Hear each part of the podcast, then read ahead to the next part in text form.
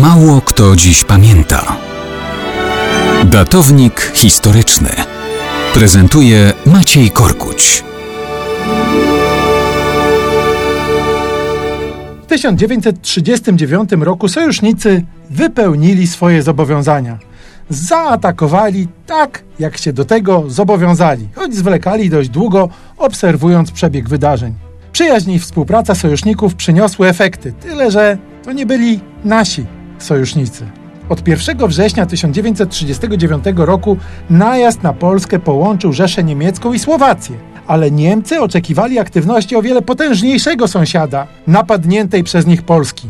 Związku Sowieckiego. Tydzień wcześniej, kończąc tajne rozmowy, nazajutrz po podpisaniu paktu Ribbentrop-Mołotow, Stalin dał słowo honoru, że Związek Sowiecki nie zdradzi swojego niemieckiego partnera. No więc Ribbentrop 3 września przypominał ambasadorowi w Moskwie o naciskaniu, cytuję, aby armia rosyjska nastąpiła w odpowiednim momencie przeciwko siłom polskim. I jak to ujął, pomogłoby to nie tylko nam, czyli Niemcom, ale również byłoby to w interesie sowieckim. Mołotow 4 września zapowiadał, że w odpowiednim czasie będą musieli rozpocząć konkretne działania. I cały czas Niemcy z Sowietami są w kontakcie. 9 września Mołotow wysyła Niemcom gratulacje z okazji zajęcia Warszawy, ale to się okazuje bajką. Warszawa się broni.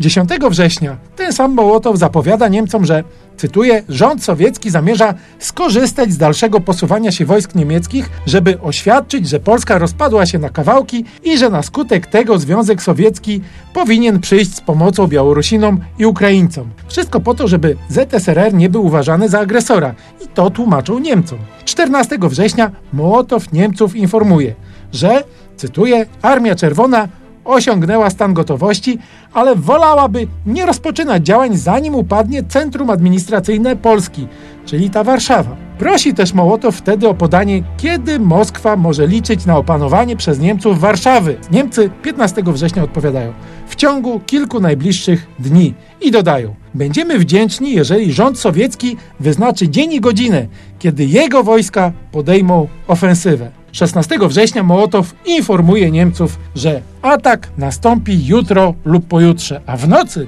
z 16 na 17 września potwierdza, że za kilka godzin się zacznie.